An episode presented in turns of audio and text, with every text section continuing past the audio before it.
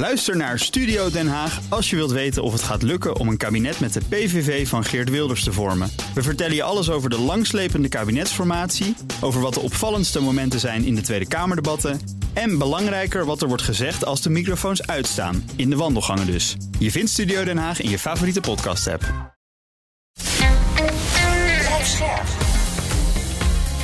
BNR Nieuwsradio. Napleiten. Wouter Laumans en Christian Vlokstra. persconferentie waarbij dat rapport van de inspectie werd gepresenteerd. Dat hele negatieve rapport. En waarbij het Openbaar Ministerie bekend ging maken... wij gaan deze vrouw vervolgen. En dan vonden ze het wel zo netjes om dat even aan haar mee te delen... voordat die persconferentie was. En wat was haar reactie daarop? Schrok zich helemaal kapot.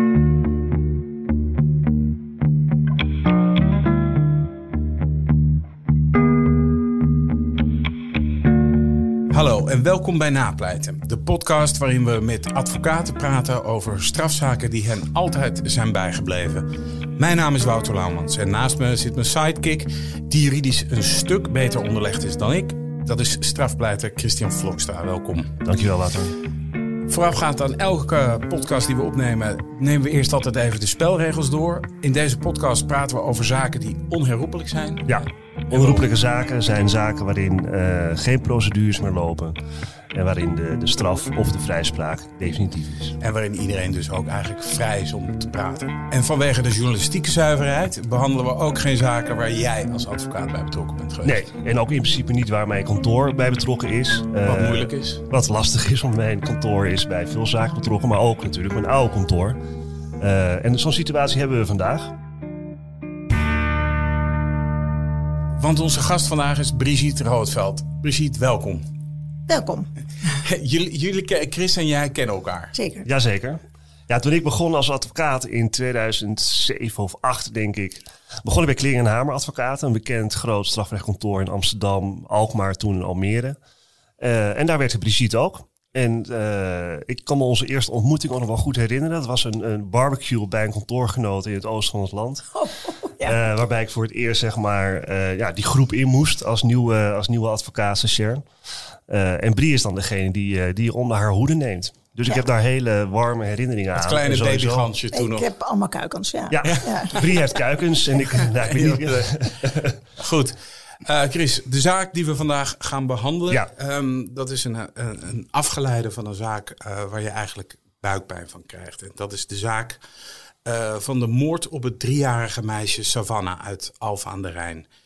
dat is weliswaar een zaak uit 2004, maar destijds stond het hele land ervan op zijn kop. Kan jij het nog herinneren? Nou, ik moet je heel eerlijk zeggen dat ik die zaak Savannah eigenlijk alleen maar ken vanuit de zaak hè, waar we het vandaag over kunnen hebben, die Brie heeft gedaan, of die sheet heeft gedaan. Uh, en in de voorbereiding hierop ging ik weer even teruglezen. Dacht, oh ja, jeetje, dat was er allemaal gebeurd met uh, ja. dit, dit meisje. Ja, want Brigitte, kun jij uitleggen wat de zaak Savannah precies was? Ja. Dat meisje Savannah, dat woonde met haar moeder en een stiefvader in Al van der Rijn.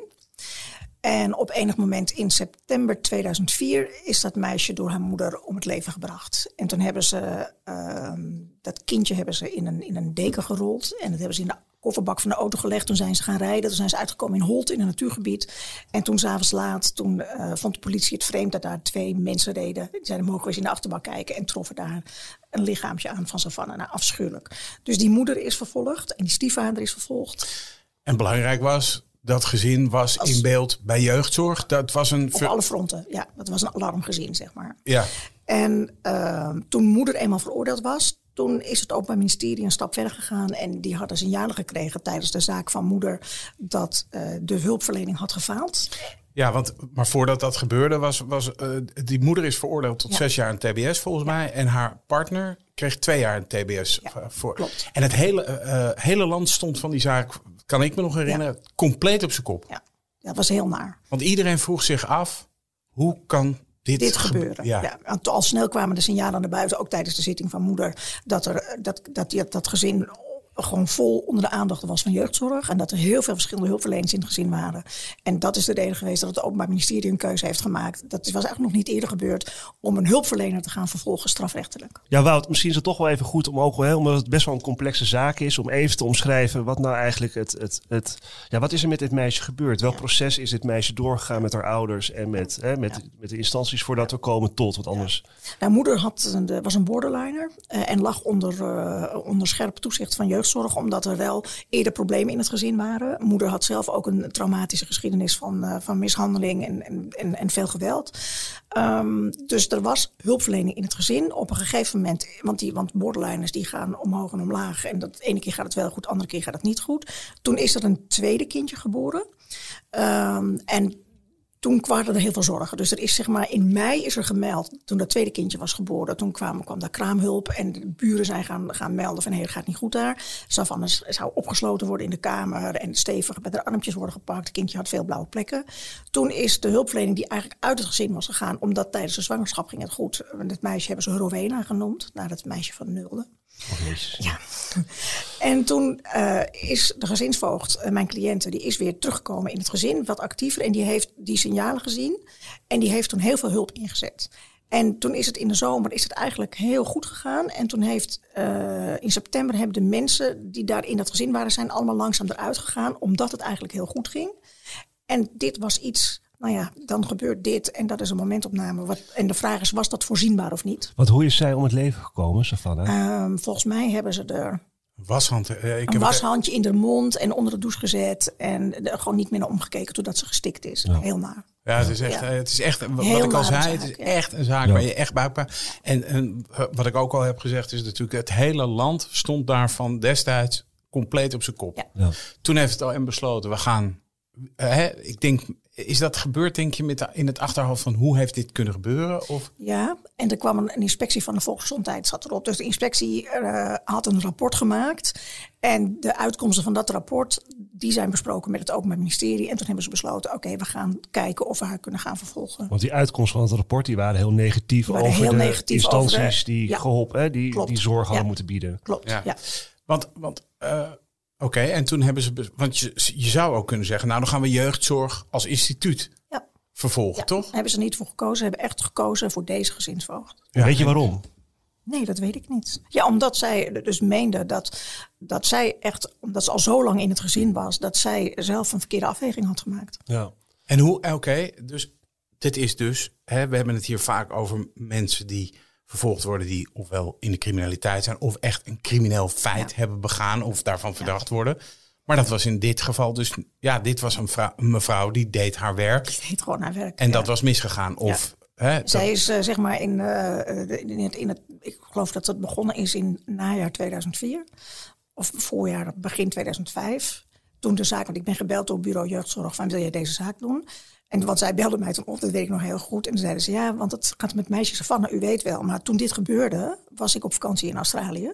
Ik had wel meegekregen dat André Hazes was overleden. Want dat was echt heel groot nieuws. Ja. Maar deze zaak was mij ontgaan. Dus ja. toen ik met jeugdzorg zat te bellen, ben ik heel snel gaan googelen. Want ik had geen idee waar ze over had. Toen ben ik maar gaan inlezen. Dus jij bent door jeugdzorg benaderd. Wil jij deze zaak voor ons doen? Door de jurist van jeugdzorg. Oh ja, en hoe kende je die? Of hoe, hoe, hoe kwam dat contact? Of nee, heeft hij gewoon een telefoon? Nee, um, volgens mij was het zo dat zij iemand gewoon privé kende en die had gezegd bel haar maar. Ja, ja, oké. Okay. Terwijl dit niet echt mijn expertise was op dat moment. Nee. Oké, okay. en dan denk je bij jezelf, jeetje, uh, uh, dit heb ik nog nooit aan de hand gehad, denk ik zo. Nee, en ik wist ook meteen dat het groot was en ik wist ook dat het anders was dan anders. Ja. ja.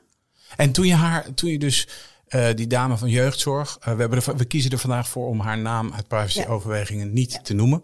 Um, toen je haar voor het eerst ontmoette, wat voor iemand trof je toen aan? Daar ben ik dan benieuwd. Nou, dat ging heel gek. Wij hadden een afspraak gemaakt om elkaar te zien. Want er was een, uh, zij werd ontboden bij het Openbaar Ministerie. Dus wij hadden een afspraak, zeg maar, volgende week woensdag om tien uur bij de officier van Ja, dus ze is niet gearresteerd of zo? Nee.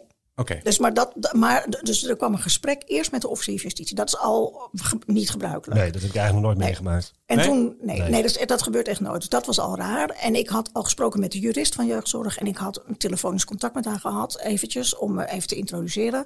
En toen belde zij mij op een maandagavond om acht uur helemaal in paniek op. Omdat er een agent in de deur was geweest met een brief van het Openbaar Ministerie. Dat zij zich de volgende avond om zeven uur, ik weet het nog goed, 9 maart, want mijn man was jarig. En ik heb toen alles uit mijn handen laten vallen. Dan gaan we niet uit eten, we gaan mee. Ja. Wij moesten s'avonds om zeven uur moesten wij, eh, ons melden bij het Openbaar Ministerie in Den Haag.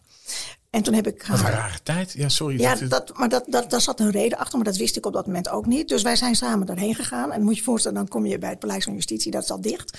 En dan, dan moet je ergens aanbellen. En daar kwam de officier zelf aan van, nou, goedenavond, gaat u maar even mee. Dat is heel gek. En jij was daar met de cliënt. Ik was met cliënt en wij hadden in de auto van Alkmaar naar, ehm, eh, want daar werkte ik toen op dat moment, naar Den Haag hadden wij al van alles besproken en een beetje kennis gemaakt. Maar ik kan me voorstellen dat die vrouw op van de zenuw is Ja, geweest. bloednerveus. Maar die had ook geen idee waar ze in terecht kwamen. Die, En die had toen nog zoiets van, hè, we horen het wel. Want ik wist ook niet wat er ging gebeuren. En toen bleek dat 10 maart zou, eh 2005, zou op Telepoort, of Nieuwspoort, hoe heet het Telepoort in Den Haag? Ja, Nieuwspoort. Nieuwspoort. Nieuwspoort was er een persconferentie waarbij dat eh, rapport van de inspectie werd gepresenteerd. Dat hele negatieve rapport. En waarbij het Openbaar Ministerie bekend ging maken, wij gaan deze vrouw vervolgen. En dan vonden ze het wel zo netjes om dat even aan haar mee te delen voordat die persconferentie was. En wat was haar reactie daarop? Schrok zich helemaal kapot. Ja? Ja, terecht. Maar mag ik even voor mijn begrip, hè? want ik, ik mis even, want er liep al onderzoek naar jeugdzorg naar deze vrouw. Ja. Hè, dus ze was ook al gehoord door de politie waarschijnlijk, nee, of dat niet? nee, dat was nog helemaal niet. Was helemaal niet Nee, dat gebeurd? was helemaal nog niet gebeurd. Nee. Eh, maar de jurist van, van jeugdzorg wist wel, nou, ze zijn wel bezig ook te onderzoeken van, hè, ze ligt er als uh, aansprakelijkheid ja. voor ons. Ze hadden een, een eh, brief gestuurd naar de gezinsvoogd van je moet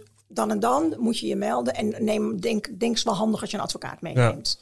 En dan is het dus zo dat er dus een rapport wordt geopenbaard met stevige kritiek op de instellingen, zeg Ja. maar. Die de, en dan Ja. het Openbaar Ministerie wilde dat combineren met de, de ferme aanpak. We gaan de gezinsvoogd Ja. vervolgen. Daar kwam het Dat, eigenlijk op neer. dat, precies dat. Ja. Zo. Toen ben ik Dus ochtends... die, va- die, jouw cliënt had het idee van ik ben dus de kop van Jut. Ja, want zij zei we gaan morgen dat rapport presenteren. Wij hebben aan, na, de, aan, na aanleiding van de uitkomsten van dat rapport hebben wij eh, besloten om u te gaan vervolgen. En eh gezegd u moet een advocaat mee. Nou, die heeft u nu. En dan moet u de komende twee weken maar een beetje vrijmaken, want we gaan u een aantal dagen verhoren op het politiebureau Alfa aan de Rijn. En wat voor iemand was, was jouw cliënt eigenlijk? Wat voor, wat voor mevrouw is dat? Gewoon een hele gezellige. Ja, je zou. Het, je zou een vriendin van haar kunnen zijn, weet je. Het, het kan je buurvrouw zijn, gewoon dood, normaal, gezin, twee kinderen. En zij werkt al best lang bij jeugdzorg. Al jaren. Dat was een hele 30 jaar ervaren, hele ervaren Maar wat werd haar dan precies verweten in eerste instantie? Ehm, Weet je, niet in de zin van want dat was natuurlijk een soort dood door schuld, zwaar Ja, dood door schuld, ja. maar gewoon feitelijk. Wat, Nou, wat, wat, wat, niet, niet ingegrepen en daardoor had de dood van Savannah voorkomen kunnen worden. Dat is eigenlijk het verhaal. Ik heb het even nagezocht. Eh, de, de, de hoofdofficier die had het in een, in een reactie, zei hij dat er 35 gekla- getuigen waren die verklaard hadden eh, dat de gezinsvoogd eh, gewaarschuwd was eh, voor de bedreigende situatie. En hij heeft daarover gezegd, citaat, ze heeft te weinig actie ondernomen om het kind in veiligheid te krijgen. Ze had Savannah uit huis moeten plaatsen. En dat is een hele zware beschuldiging, Ja. denk ik. Voor Dat iemand die heel- ja. want hè, als je kijkt mensen bij jeugdzorg, dat zijn de mensen die natuurlijk eigenlijk dat werk doen. Niet alleen omdat het een baan is, maar ook om de wereld misschien wel een Ja. beetje beter te maken. Precies. Dus dat valt dan heel rauw op je dak. En, en je komt ineens, weet je, je gaat in plaats van 's ochtends naar je werk, ga je met je advocaat naar een politiebureau waar je dan de hele dag zit. ja. ja, kijk, wat het extra hard maakt, vind ik. Kijk, je kunt vervolgd worden hè, voor daden die je pleegt. Hè, en dat kan ook, dat kan natuurlijk een moord zijn of wat dan ook. Maar dat kan ook zijn hè, dat je in het verkeer een, een, een grove verkeersfout maakt. Hè, eh, waardoor een, een, een, eh, een stapperfeit ontstaat, letsel. Alleen deze vrouw eh, werd, ver- hè, en dat kan ieder normaal mens gebeuren, maar deze vrouw werd vervolgd niet omdat ze iets gedaan had, Maar iets nagelaten. maar omdat ze in de visie van het Ja, maar- Ministerie iets nagelaten had. En dat Ja, het maar lastig. Ja, oké, maar nalatigheid kan natuurlijk ook. eh, eh, dat, dat is natuurlijk een verwijt. Ja, maar nalatigheid is iets anders. Hè? Want nalatigheid, dat, dat, dat is veel breder juridisch gezien. Kijk, op het moment dat ik een, een, een, een kruising oversteek met mijn auto... en ik kijk niet naar rechts en naar links en ik rijd door rood... dan kunnen ze zeggen, ja, je bent nalatig geweest, ben ik ook. Alleen hier gaat het om dat zij iets had nagelaten. Dus zij had niet het meisje Savannah iets aangedaan Nee, maar- of wat dan ook. Nee. Nee, het verwijt is, u heeft iets niet gedaan... Ja. waardoor het aan uw schuld te wijten is dat dit gebeurt. Je ziet het wel bij rampen. Hè? U heeft nagelaten om de, de veiligheidsknop of de, veilig, de, de, de, de, de nooduitgang open te zetten. U heeft dat nagelaten. Ja. Stond, hè, dat is iets wat je in dat Ja. soort zaken. Maar het heftige hiervan nog eens een keer is dat deze dame, deze vrouw, is eh, van een overheidsinstelling. Hè? Dus het is de overheid die verantwoordelijk is voor de kinderbescherming, voor Ja. jeugdzorg. Ja. En dat wordt, de, de verschrikkelijke gevolgen in deze zaak worden dan vervolgens afgewenteld op één persoon. Dat was heel naar. En, Maar zij had wel, jeugdzorg stond als één blok achter haar. oh ja, Ja, haar collega's met de leidinggevende, eh, de raad van bestuur of wat je er allemaal hebt, stonden allemaal als één blok achter. Hebben geen moment aan haar getwijfeld. En wat heb jij tegen haar gezegd? Hoe, hoe ging jij op contact? Oké, eh, u heeft een probleem, een groot probleem lijkt mij. Eh, of, Nee. of zag jij gelijk als iets Nee. van, joh, we gaan dit winnen? Ja. Ja, nee, ja, ja, dat, dat klinkt natuurlijk in zo. erg. Kijk, ik zou, het- ik zou eh, als, als, als, als je, ik kan me voorstellen dat als zoiets je verweten wordt, dat je echt met de billen bij elkaar zit. Van straks zit ik gewoon in de gevangenis hiervoor. Nee, dat, dat ging sowieso niet gebeuren. Want dat, dat ging niet worden. Dit was een soort proefballon wat opgelaten werd. Maar je offert iemand wel heel erg op. En ehm, ik heb toen een andere collega erbij betrokken, eh, Simeon Beurmeister, want het was best wel groot. En het was een heel groot dossier, er moest heel veel in gebeuren. Dus ik zei, nou, ik wil het liever samen doen, dan kunnen we daar goed over overleggen. En wij hadden ook steeds overleggen op- bij bureau jeugdzorg, met de juristen, met de raad van bestuur. En zaten we met z'n allen van, oké, hoe gaan we dat nu doen? Wat is de vervolgstap? Maar zij heeft mij in het begin, heeft zij mij iets verteld, ook in haar verhoor. De reden waarom zij op het moment suprême, waar iedereen het maar over had, bepaalde beslissingen heeft genomen. Dat ik dacht, maar die gaan we uitwerken. En, en dan, dat is een turning point. En En wat waren dat voor beslissingen? Zou- nou, dat kan ik je uitleggen. Ehm, eh, toen Romena was geboren, toen kwamen dus ineens al die mensen. Iedereen vond wat van de kraamhulp en, en iedereen ging melden en de buren en het hele toestanden. Het gaat niet goed. Toen is zij daar geweest. Toen heeft zij een bezoek afgelegd en toen heeft zij de, de signalen die zij gekregen had, heeft zij op dat moment toen zij in huis was niet gezien. Ze zag wel dat het, dat het niet helemaal goed ging met moeder, maar dat er met Savanne al die dingen die daar verteld werden, heeft zij niet gezien. En zij zei, ik had haar toen mee kunnen nemen. Maar moeder was heel kwetsbaar, want net bevallen, hormonen gieren door het lichaam, borderline, nou stuit de bal alle kanten op. Ze zegt, en, en die baby, die had, was niet onder toezicht. Ze zegt dus, ik kon Savanne meenemen, dan had die moeder had helemaal geflipt.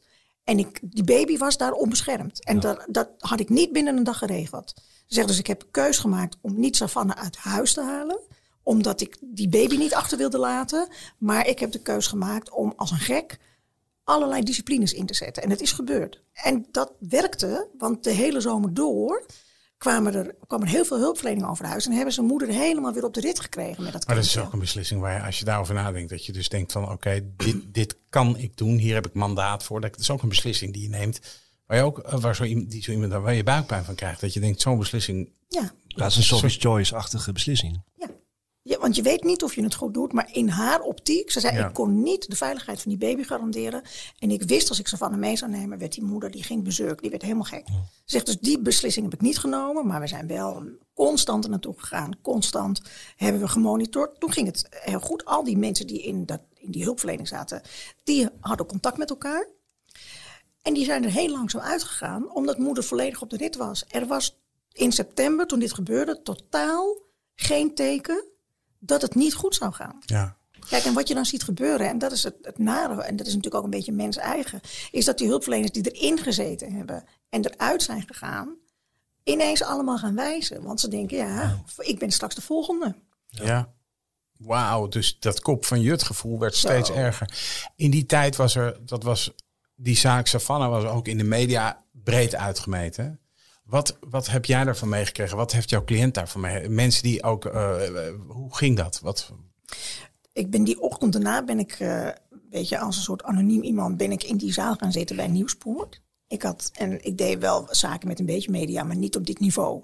Nee. Dus ik was ook een stuk jonger nog en ik wat minder ervaren dan nu. En ik zat daar en ik hoorde iedereen, nadat die presentatie was geweest, had een mening. En ik dacht echt, what the fuck. Dus ik ben heel Ja. snel in de trein naar kantoor gegaan. hier. Hier. En ik had met haar afgesproken, want zij woont gewoon ergens in een, in een, Ja. in een rijtjeshuis in een klein dorpje. Jouw identiteit mag nooit naar buiten komen, nooit. En dat is ook niet bij de media. Wij wilden geen mensen in de tuin, helemaal niks. Echt helemaal niks. Daar waren jullie bang voor natuurlijk. Daar waren we bang voor. En dat hebben we ook bij het OM neergelegd. Van jongens, doe me één lol. Laten we het gewoon gezellig houden. Laten we dit alsjeblieft niet doen. En op een gegeven moment, dat weet ik nog heel goed. Er was heel veel aandacht voor. En die, zij is gehoord al die dagen. En toen kwam er een dossier, een einddossier. En toen zijn Simeon en ik gaan kijken. En toen hebben wij bijna 40 getuigen opgeroepen. En ze hebben een hele zomer in Den Haag gezeten. Het was een mooie zomer, want de rechtercommissaris dicteert altijd in afwezigheid. Dus ik heb uren op terras gezeten in Den Haag. Ik ken alle horeca inmiddels daar. Die snap ik even niet. Ja, op het moment dat je een, een getuigenverhoor hebt bij de rechtercommissaris hè, als verdediging. Kijk, in een dossier zitten heel vaak getuigenverklaringen. Ja. En die getuigenverklaringen zijn afgenomen door de politie. En als wij dan aan bod komen als advocatuur, dan worden die getuigen of andere getuigen worden gehoord bij de onderzoeksrechter, de rechtercommissaris. En dat gaat iets anders dan bij de politie vaak. Het hangt een beetje van de RC af, of de rechtercommissaris af. Maar het komt vaak voor dat de rechtercommissaris schrijft mee hè, tijdens het verhoor. Jij stelt vragen, alles. En dan is het klaar. En dan gaat de rechtercommissaris alles op papier zitten, zetten. En ja, en dat duurt, het kan wel anderhalf, twee uur of misschien wel drie uur hele duren. lange verhoren. Dus dan zei ze, gaat u maar een kopje koffie drinken? Ja. Ik bel u wel als ik klaar ben. Nou, Oh, dat oké. duurde- Je moet gewoon wachten denk eigenlijk tot het hand... Ja, het, het tot het klaar is. Dan kom je terug en dan wordt het, en dan wordt het weer voorgelezen. En dan eh, weet je of het goed is. Ongelooflijk. Ja. Maar goed, gelukkig houdt Brie niet van horeca. Dus Nee, eh, dat, eh, scheelt. dat, nee, eh, dat scheelt. Dat scheelt een slok Ja. op een bord. Ehm, en toen op een gegeven moment, dus die getuigen zijn allemaal gehoord. En toen moest het OM een beslissing gaan nemen. En ik vergeet nooit, ik reed altijd van huis van Amsterdam achterlangs. eh, dat was een mooi stukje langs het kanaal naar Alkmaar. En ik rijd halverwege het kanaal en ik word gebeld eh, door de officier van justitie. Die mij beloofd had, als we een beslissing hebben genomen, dan gaan we dat met u bespreken. Ja. En zij zei, we hebben een beslissing genomen. We gaan nu uw cliënt vervolgen. En er komt dus een persconferentie.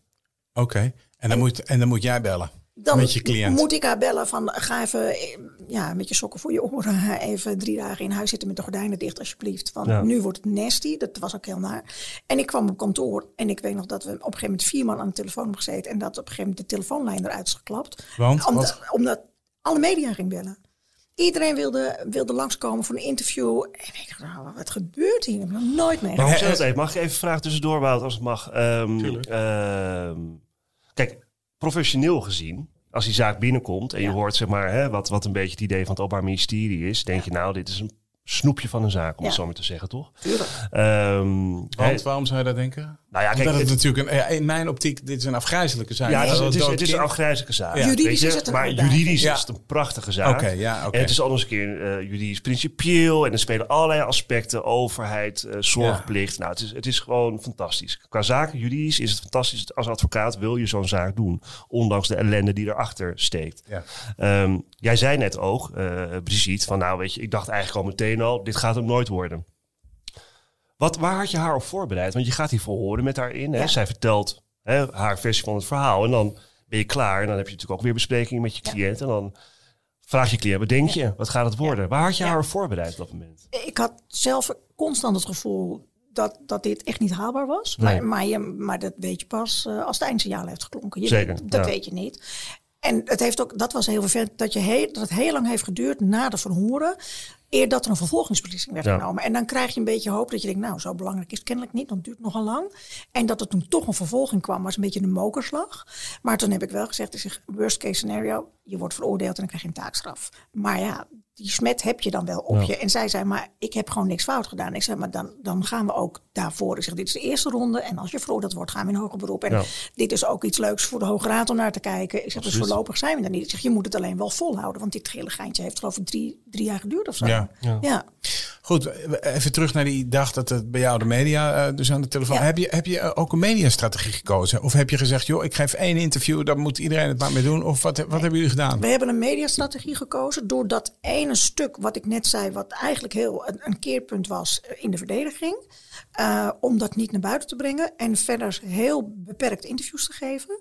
En toen we naar zitting gingen, eh, toen had ik ook het een en ander geregeld, want ik had geregeld met de rechtbank Den Haag, die waren heel behulpzaam. Ik had een, met haar een parkeerplek eh, waar het personeel parkeert en wij konden onderlangs naar boven. En ik had een aparte kamer waar zij met haar man zat. En als de zaak begon, en ook met pauzes en zo, dan werden wij als eerste naar binnen gebracht. En dan vulde de zaal zich. En als er geschorst werd, gingen wij als eerste naar buiten. En zij ging dan door de achteruitgang weg. En Simeon en ik deden aan de voorkant de pers. Ja. Oké. En ik heb steeds eh, RTL 4 bijvoorbeeld elke avond gedaan. En Simeon deed wat andere dingen. En op een gegeven moment, eh, d- je weet hoe het werkt, dan word je gebeld door Pauw en Witteman, toen nog. Daar wil je dan bij, maar dan moet je wel zeggen, als je niet belangrijk genoeg bent, dan mag je nergens anders gaan zitten. En vervolgens, eh, eh, en we hadden ingezet op De Wereld Draait Door. En dan word je op een gegeven moment afgebeld, omdat, omdat er iets was gebeurd wat ze niet Dan kan je nergens meer heen. Dus hadden we zoiets van, weet je wat, zoek het uit. En ik heb één keer maar media gedaan. Ik ben aan het eind naar de vrijspraak, ben ik bij Pauw en Witteman gaan zitten. Wat kies je? Een mediastrategie kiezen? Is dat een, een ding in zo'n zaak? Nou ja, kijk, ik bedoel, je weet gewoon bij deze zaak. Nee, Dit kijk, zeker in zo'n zaak. Ik denk in zo'n zaak wel. Alleen je hebt natuurlijk ook te maken Met je cliënt. eh, met je cliënt. En je hebt ook te maken in dit geval met bureau jeugdzorg waarschijnlijk. Dus het is ook niet dat je heel even op eigen houtje kan gaan. Ehm, maar goed, dit is natuurlijk wel een zaak waarin je een mediastrategie zou moeten hebben. Omdat, al is het maar omdat er heel veel media op afkomt. Ongelooflijk. Ja. Dat betekent niet dat je er altijd aan moet toegeven. Hè, of dat je allerlei van alles moet doen. Dat hangt helemaal vanaf of het in het belang van jouw cliënt is. Ehm, maar dat is ook eventjes mijn vraag. Want ik, in mijn herinnering, maar ik weet niet of dat correct is. en Misschien komt het ook wel omdat ik volgens mij ook wel toen de tijd op dat kantoor werkte. Ja, het, het ging allemaal buiten mij om. Maar ehm, eh, was, de, was de, de maatschappelijke opinie was wel in haar voordeel, toch? Nee. Of niet? Of Nee, juist niet? Nee, niet, Niet? zo. Nee, nee. Niet zo. En ik dacht alleen maar, dat komt wel goed. Want als die vrijspraak er is, dan ga ik het uitleggen. Ja, ja, maar goed, want in de beroepsgroep klonk- klonk destijds ook jeugdzorg is vogelvrij. Ja. Was ja, dat het het was, er was een congres. Simeon en ik waren uitgenodigd om te spreken op een congres. En die mensen, die, die, er zaten er duizenden gezinsvoogden. En die waren allemaal heel erg voor ons. Want wij moesten haar gaan redden. Die mensen leefden enorm met haar mee. maar iedereen had angst. Ja, Ja, want wat- even naar Chris, want wat als, deze, als, als, dit, als zo'n zaak tot een veroordeling leidt, wat betekent dat dan? Dat dus de mensen die het, die dus, dat heeft, zou hele verstrekkende gevolgen Ja, kunnen hebben. ja, goed, kijk, kijk, niemand ontkomt aan strafrechtelijke verantwoordelijkheid. Nee. Ik bedoel, ook niet als je bij jeugdzorg werkt. Alleen als het gaat in, hè, ik bedoel, gezien de feiten en omstandigheden in deze zaak, en het gaat om, om, om een bepaalde vorm van nalaten wellicht, hè, eh, de signalen onvoldoende oppakken of Ja, want onvoldoende politiemensen je- bijvoorbeeld je bent dan- ook wel eens vervolgd natuurlijk. Hè? je bent, maar je bent dan strafrechtelijk aansprakelijk. Ja, dan wordt het natuurlijk wel een lastig verhaal. Want iedereen kan fouten maken in zijn werk. En iedereen kan misschien een keer een signaal niet oppikken of te laat Ja. reageren. Eh, alleen het punt is, als je in zo'n functie zit, heb je natuurlijk een bepaalde zorgplicht. En dat maakt dat jouw verantwoordelijkheid hoger ligt. Maar ik snap heel goed dat al die gezinsvoogden dachten, ja, als eh, deze gezinsvoogd gaat, dan eh strafrechtelijk aanspraak wordt gesteld. Dan zijn we allemaal wel enigszins vogelvrij. Want je hebt natuurlijk niet die situatie altijd in de hand van wat daar gebeurt. Ja. Dus de rechtbank heeft uiteindelijk ook geoordeeld dat zij deels nalatig is geweest. Ja. Maar dat er geen kausaal verband is tussen die nalatigheid en de uiteindelijke dood van Ja. het kind. Ja, want we gaan nu eigenlijk, Ja. we, hè, we lopen een beetje op de zaak vooruit. Want hoe ging de strafzaak? Hoe Ja, liep, de hoe- zitting. De zitting. Hoe, was je was het? nerveus van tevoren? Ja. Hoeveel nou, dagen niet was het? nerveus, maar gezond gespannen, zeg maar. Eh, en je ook- cliënt? Het is ook leuk, zo'n zitting. Voor de cliënt niet, maar het heeft wel, je, je, je pept je op. En ehm, wat wij hadden gedaan, ehm, ik had gezegd tegen bureau jeugdzorg, ik zeg als er een, een, een, een zitting is eh, en er zit een, een slachtoffer in de zaal eh, die met spreekrecht en nou, ja, zo'n rechtbank is daar gevoelig voor. Ik zeg ik wil dat mijn cliënt gesteund wordt. En hoe jullie het doen, doen jullie het. Je hebt er heel veel in Nederland. Ik, er zijn vijf zittingsdagen en ik wil vijf dagen lang Want waarom wilde je dat je cliënt gesteund wordt? Hoe, hoe, voor haar om haar hier doorheen te slepen. Want zij, voor haar was dit de hel. Dit was voor haar echt zo loodzwaar. Dat, ik, vond, ik, ik had zo medelijden met haar. Het was, was echt heel naar. Dus ik had gezegd tegen jeugdzorg... ik wil elke dag 50 tot 75 gezinsvoogden in de zaal. Op de publieke tribune. Dus ze hadden een aparte... Ik had het ook aangekondigd in Den Haag. Dus ze hadden een aparte zaal... waarin de gezinsvoogden konden meeluisteren... en ook haar konden steunen. en bood dat steun voor haar? Ja, heel erg. Oh ja. Zij voelde zich enorm gesteund en gehoord. Eh, en die, ja, die mensen zitten op de tribune en die luisteren mee. En die geven non-verbaal ook een signaal af. Dus zo'n rechter ziet daar toch allemaal collega's zitten. Dat als er dingen gezegd worden door het OM waarvan in, in hun optiek het niet klopt. Gaan die mensen toch allemaal een beetje zo zitten kijken van ja, dat is lekker. Ja, zo werkt het niet. Dat- Dat, dat heeft invloed. invloed. Dus Oh ja, zij- joh. ja, dat heeft dus dit was ook niet alleen, eh, dit was ook eh, niet alleen uit steun, maar ook misschien wel strategisch. Dit was strategisch. Ja. Eventjes voor mij, hè, even, want we weten allemaal, hè, zeker met grote strafzaken die meerdere dagen duren, eh, dat veel afhangt van hey, wie zit er in de combinatie. Zeker, Hè? Eh, ja. Wie zit er in de rechtbank. Ja. Hebben we het hier vaker over gehad? Eh, Ja. Wie is de officier van justitie. Eh, maar even voor mijn beeld. Het OM, hoe hard zaten zij erin? Zaten zij er hard in of niet? En hoe? Vervelend hard in? Eh, Oké, nou helder. Eh, de rechtbank, hoe, zaten die, eh, hoe was de sfeer op zitting? Hoe, Nee, de sfeer op zitting was prima. ja. Ja, en, en mijn cliënte werd wel stevig ondervraagd, maar hield, het- die, dat, ging ook goed, die Ja. En ik moet zeggen, wij zaten daar samen, Simeon en ik. En eerlijkheidshalve, we hadden het pleidooi verdeeld. En we hadden onze briljante collega Sander Jansen, hadden we het hele opzetstuk, Ja. opzetschuldsstuk laten schrijven, omdat hij daar gewoon heel goed in Die was, maar die was toen ook nog niet zo eh, bekend als dat hij nu Nee, is. maar net zo geniaal als dat hij nu is. Dus dat is echt... Dus heb je voor de rechtbank heb je dat ja. weggegooid en dacht je, ik ga gewoon uit de losse pols ga ik pleiten. Nou nee. en Simeon had een, had een heel eh, mooi verhaal over, over haar persoonlijke omstandigheden en wat dit met haar gedaan had. En daar raakten mensen door geëmotioneerd. Die gezinsvoogden werden allemaal, want die dachten, ja, ik had daar ook kunnen zitten. Dus dat, dat had ook nog Ja. wel effect. En de Ja. officier? Was, was die... er Ging, waren er twee. ja. We begonnen met één, maar wij waren met z'n tweeën. Dus uiteindelijk waren zij ook met z'n tweeën, waren twee vrouwen. En die waren heel pittig. Had je het idee dat het persoonlijk was? Ja, dat weet ik niet. Nee. Ja. ja. Nee. maar goed, kijk, je ik kunt het wel eens hebben. Kijk, ik zie, ik zie de aarzeling bij Brie, want zo is Brie niet. Hè. Eh, als, je, als, als je Jan en Kuipers hier hebt, heb je een ander verhaal. Oh, ja, ja. Eh, Nee, je bent diplomatiek. Ja, ja, oké. ja, maar dat is toch heel goed. Dat, Ja, nee, dat maar dat snap siert ik. Brie is ook. prima. Alleen je kunt officieren treffen die, eh, waarvan je af en toe kunt denken van ja, maar dit gaat niet meer om het juridische. Dit maar dit gaat nu om, het, om de prestige, om de weg die je eenmaal bent ingeslagen, Ja, die ja. moet afgemaakt worden. Ha- Had je dat dan- gevoel? ja. Ja, dat kan. Oké. Hoe was jullie verhouding met de cliënt? Want je was samen met Simon Burmeister Ja. hè, eh, een team. ja. Eh, nou, ik ken Simon Burmeister toevallig ook wel een beetje. En de mensen die hem kennen, die weten ook, het is een hele eh, vriendelijke, Ja. warme man Ja. ook. Ja. Nou, jij bent ook een vriendelijke, warme Ja. vrouw. Dus jullie Ja. zaten met z'n tweeën bovenop Wij hebben deze... haar doodgeknuffeld. Ja, Ja, hè? echt, ja. Dat had ik al een idee. ja. Pamperd en doodgeknuffeld, ja. Ja, maar ook met, ik heb nog steeds contact met haar. Ja. Goed, daar gaan we het zo over hebben. Want uiteindelijk eh, het vonnis. Ja, dat werd een vrijspraak. Zwaar bevochten. Maar in mijn ogen volkomen terecht. Maar er werd wel geoordeeld eh, dat ze nalatig is geweest. Ja. Maar Dus dat- niet zodanig dat, dat uiteindelijk... eh, kijk, wat de rechtbank uiteindelijk heeft gezegd... eh, gewoon in één zin... de dood van Savannah op dat moment... was niet voorzienbaar voor de hulpverlening. Omdat die moeder zo'n grillig beeld vertoonde... en het op dat moment zo goed ging... dat er op geen enkele manier toen... Kijk, als zij in mei was overleden... en de gezinswacht had, haar, had toen niet ingegrepen... en had signalen genegeerd en had gedacht... ik blijf hier alleen in en ik haal niet nog dertien andere mensen erbij... dan had het je fout de boel geweest. Dan had, dan had je een probleem kunnen hebben. Maar nu dat alles was opgetuigd en moeder helemaal op de rails was gezet en het heel goed ging en er op geen enkele manier nog een telefoontje kwam bij het meldpunt kindermishandeling of waar dan ook van hé, hey, gaat niet goed, was dit niet voorzienbaar. De grilligheid van, van, van moeders eh, eh, psyche was niet te, niet te voorzien. Nee, want, want confrère eh burgemeester heeft ook aange- aangevoerd van ja joh, eh, de, de sa- een samenleving waarin dit soort dingen niet mis kunnen gaan is een utopie. Ja, we leven niet in een maakbare samenleving, zegt Simon altijd. En dat is ook zo. Ja. Ja. Ja, kijk, en juridisch was het een, een, een hartstikke interessante zaak. Waarom? Omdat het juridisch eigenlijk teruggaat naar de, de, de eerste vraag die je stelt bij de beoordeling van een mogelijk strafbaar feit. Is een bepaald handelen. Of een schuld is het? Nee, maar is een bepaald handelen of een bepaald nalaten van een persoon. Ja. Heeft dat geleid tot het gevolg hè, wat wij als strafbaar feit zien? Dus heel simpel gezegd, als ik iemand doodschiet, dan is mijn handelen hè, heeft Ja. geleid tot het gevolg de dood. Maar hier ging het al eens een keer om nalaten. Ehm, en dan ga, krijg je de, de, de, de causaliteitskwestie. Dus heeft dat nalaten, staat dat in een verhouding tot het gevolg dat zij is overleden, dus dat je die nalater dat kunt verwijten. Ja, dat zijn de causaliteitstheorieën. Die zie je eigenlijk bijna nooit meer in strafzaken. Maar dat is prachtig juridische kost. Daar kunnen we een keer een college over doen, Wouter, een andere uitzending. Ja. Maar wat hier mooi aan is, aan deze zaak, is dat eigenlijk de rechtbank en ook het Hof, of nee, de rechtbank heeft gezegd, Rechtbank, ja. Wat er ook van zij van haar nalaten.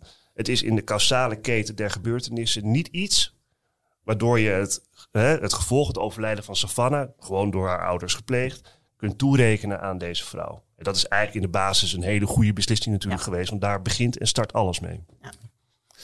Hoe, hoe reageerde de cliënt op dat vonnis? Viel er wat van haar af? Ik kan me Ja. wel voorstellen dat er ongeveer Ja. een flatgebouw dan van je afvalt. Ja, heel erg opgelucht en Ja. ook blij.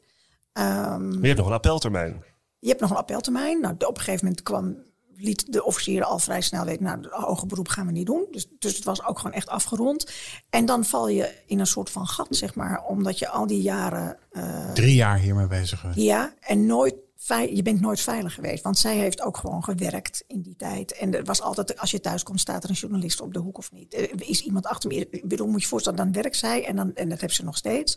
Dan wordt er cursus gegeven. De casus Savannah zit er altijd in. Er is een voor Savannah en een na Savannah. Ja, want het heeft echt heel veel veranderd. Ook bij jeugdzorg. Absoluut. Procedures zijn anders Absoluut, geworden. Het is ja. echt een, ja, een waterscheiding Ja. hoe voor Savannah of na Savannah. Ja. En jouw cliënt werkt nog steeds bij jeugdzorg. Begrijp? Nee, want je, ja, jeugdzorg bestaat niet Nee, in goed. die zin. Ja. Maar het zit nog wel in de, eh, in de, in de jeugdhulpverlening. Maar nu eh, in dienst van een gemeente. Ja. Maar heeft het kunnen oppakken? Ja. Voor zover je daar iets over kunt zeggen. Maar moeilijk. Ja. Ja, moeilijk. En ook heel moeilijk gehad. Ja. En, ook- maar gewoon de- daarna komt dan, weet je, als het achter de rug is, zolang je erin zit, zit je in een soort van achtbaan en heb je altijd die adrenaline, want je bent aan het overleven. Net als dat iemand heel erg ziek is en die herstelt weer. En dan komt daarna, komt eigenlijk twee jaar daarna, komt dan pas van wat is er allemaal gebeurd. Ja. Zo. Ja, het is heel heftig. En jij hebt nog steeds af en toe contact met haar. Ja, we gaan nog wel koffie drinken of een keertje eten samen. En we hebben altijd nog wel mailen of we hebben altijd, altijd leuk contact gehouden. Dankjewel, eh Brigitte. Graag gedaan. Dit was Napleiten. Mijn naam is eh, Wouter Lauwmans en naast me zit co-host advocaat Christian Vlokstra. Deze podcast is te beluisteren op Apple Podcasts en Spotify. Dank voor het luisteren en tot de volgende keer.